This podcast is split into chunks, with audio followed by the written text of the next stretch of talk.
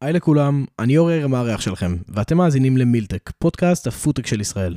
בפודקאסט אני מארח את המנכ"לים, הדוקטורים, אנשי השיווק והביזנס, קרנות ההון סיכון והאקסלרטורים המובילים בארץ, במסע, על מנת להבין איך תיראה הצלחת העתידנית שלנו. והפעם, בפרק קצרצר, נדבר על סיפור ההצלחה של חברת הבשר המתורבת הישראלית, Aleph Farms, שבינואר 24 עשתה היסטוריה, והפכה להיות חברת הבשר המתורבת הראשונה בעולם, שמקבלת אישור להפיץ המוצרים שלה. נדבר על הסיפור של Aleph Farms, על האישור שקיבלה, על המשמעויות שלו, וההשפע... וההשפעות שלו על עתיד החברה ועתיד התעשייה כולה. ואיך לעזאזל ליאונרדו דקפריו קשור גם לסיפור הזה. מילטק.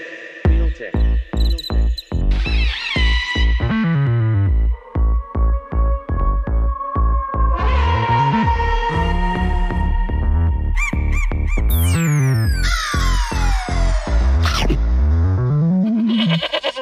החברה נוסדה ב-2017 על ידי ידידיה טוביה, דוקטור נטע לבון ופרופסור שלומית לבנברג מהטכניון. ב-2018, החברה הציגה את סטייק הבקר המתורבת הראשון בעולם רק שנה אחת מיום הקמתה. והשבוע, ינואר 24, מוצריהם נמצאו כבטוחים למאכל על ידי משרד הבריאות, לאחר שנים של עבודה קשה אל מול הרגולציה הקפדנית. Aleph Farms היא אינה חברת הבשר המתורבת הראשונה שמקבלת אישור למכירת מוצריהם. אישור בשר מתורבת החלו כבר בשנת 2020, כאשר סינגפור הייתה המדינה הראשונה שאישרה לשווק עוף מתורבת. ומאז הצטרפה אליה גם ארצות הברית, שאישרה לחברות Upside Foods ו Good Meat, אגב, Good הם אלה שמוכרים בסינגפור וקיבלו את האישור, לשווק את מוצרי העוף המתורבת שלהם בארצות הברית. וכעת הופכת ישראל למדינה הראשונה בעולם שמעניקה אישור רגולטורי לבשר בקר מתורבת. ב Aleph Farms הושקעו עד היום כ-140 מיליון דולר, ורשימת המשקיעים כוללת בין היתר את קרן ההון Peregrine, קבוצת שטראוס, קרן New Protein הסינגפורית, חברת המזון, Thai Union, ושותפות עם מילניום פודטק שנסחרת בבורסה בתל אביב, ומזנקת ב-35% לאחר פרסום ההודעה. ומשקיע מסקרן נוסף הוא לא אחר מאשר ליאונרדו דקפריו, שמכהן בוועדה המייעצת של החברה.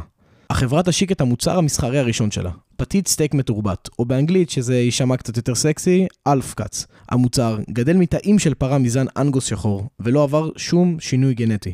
ובדומה לכלל מוצרי הבשר המתורבת הנמצאים כעת בשלבי פיתוח מתקדמים ברחבי העולם, המוצר הראשון של Aleph Farms יכיל כ-20% תאי בשר מתורבת, ויתר רכיביו מושתתים על פלנט בייס, בעיקר על סויה וחיטה. עם זאת ועם השמחה, בפני היצרניות בתחום הבשר המתורבת ניצבים שני אתגרים משמעותיים. היקף הייצור, שצריך להיות בקנה מידה רחב מספיק כדי להווה אלטרנטיבה אמיתית לבשר מבעלי חיים, וכמובן התמחור, שצריך להיות אטרקטיבי כדי לגרום לצרכנים לבחור באופציה המתורבתת. מנכ"ל החברה מדגיש כל הזמן ואומר, המוצר הזה לא נועד להיות בשביל עשירים, המוצר הזה נועד להיות לאוכלוסייה כולה. היום אנחנו עוד לא שם. כמו שטכנולוגיות אחרות, כמו מחשב, כמו טלפון, או המון המון טכנולוגיות שבעבר היו יקרות והיום הן נגישות לכל האוכלוסייה, ככה יהיה בדיוק עם הבשר המתורבת. חברות רבות עובדות ימים כלילות בשביל להתגבר על הקשיים שציינתי פה ועוד קשיים רבים אחרים. חברות רבות שהן בעצם מתעסקות ב-B2B, בעצם תופסות נישות קטנות בתוך תהליך ייצור הבשר המתורבת, והולכות לשפר ולייעל את התהליכים. לדוגמה, אני, אה, בכמה, יש פרק, בפרק האחרון של העונה הראשונה לדעתי, אירחתי את...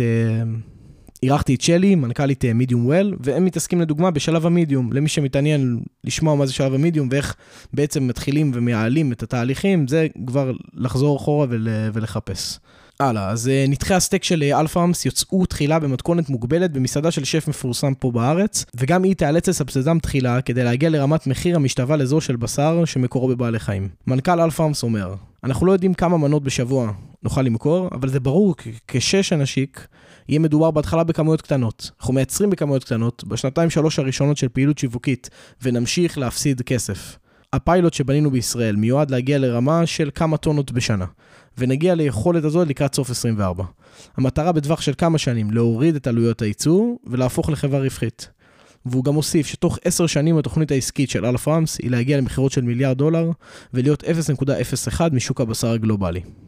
Aleph Farms טרם הודיע מה יהיה מחיר של הנתח שלה, אך בריאיון שהעניק ל ynet בשנת 22, אמר המנכ"ל, אנחנו מכוונים להתחיל עם פרימיה של 50 עד 100% ביחס לבשר מבעלי החיים, להגיע להשוואת מחירים תוך 5 שנים. ומה הלאה? Aleph Farms הגישה אישורים רגולטוריים לעוד מדינות, חוץ מישראל.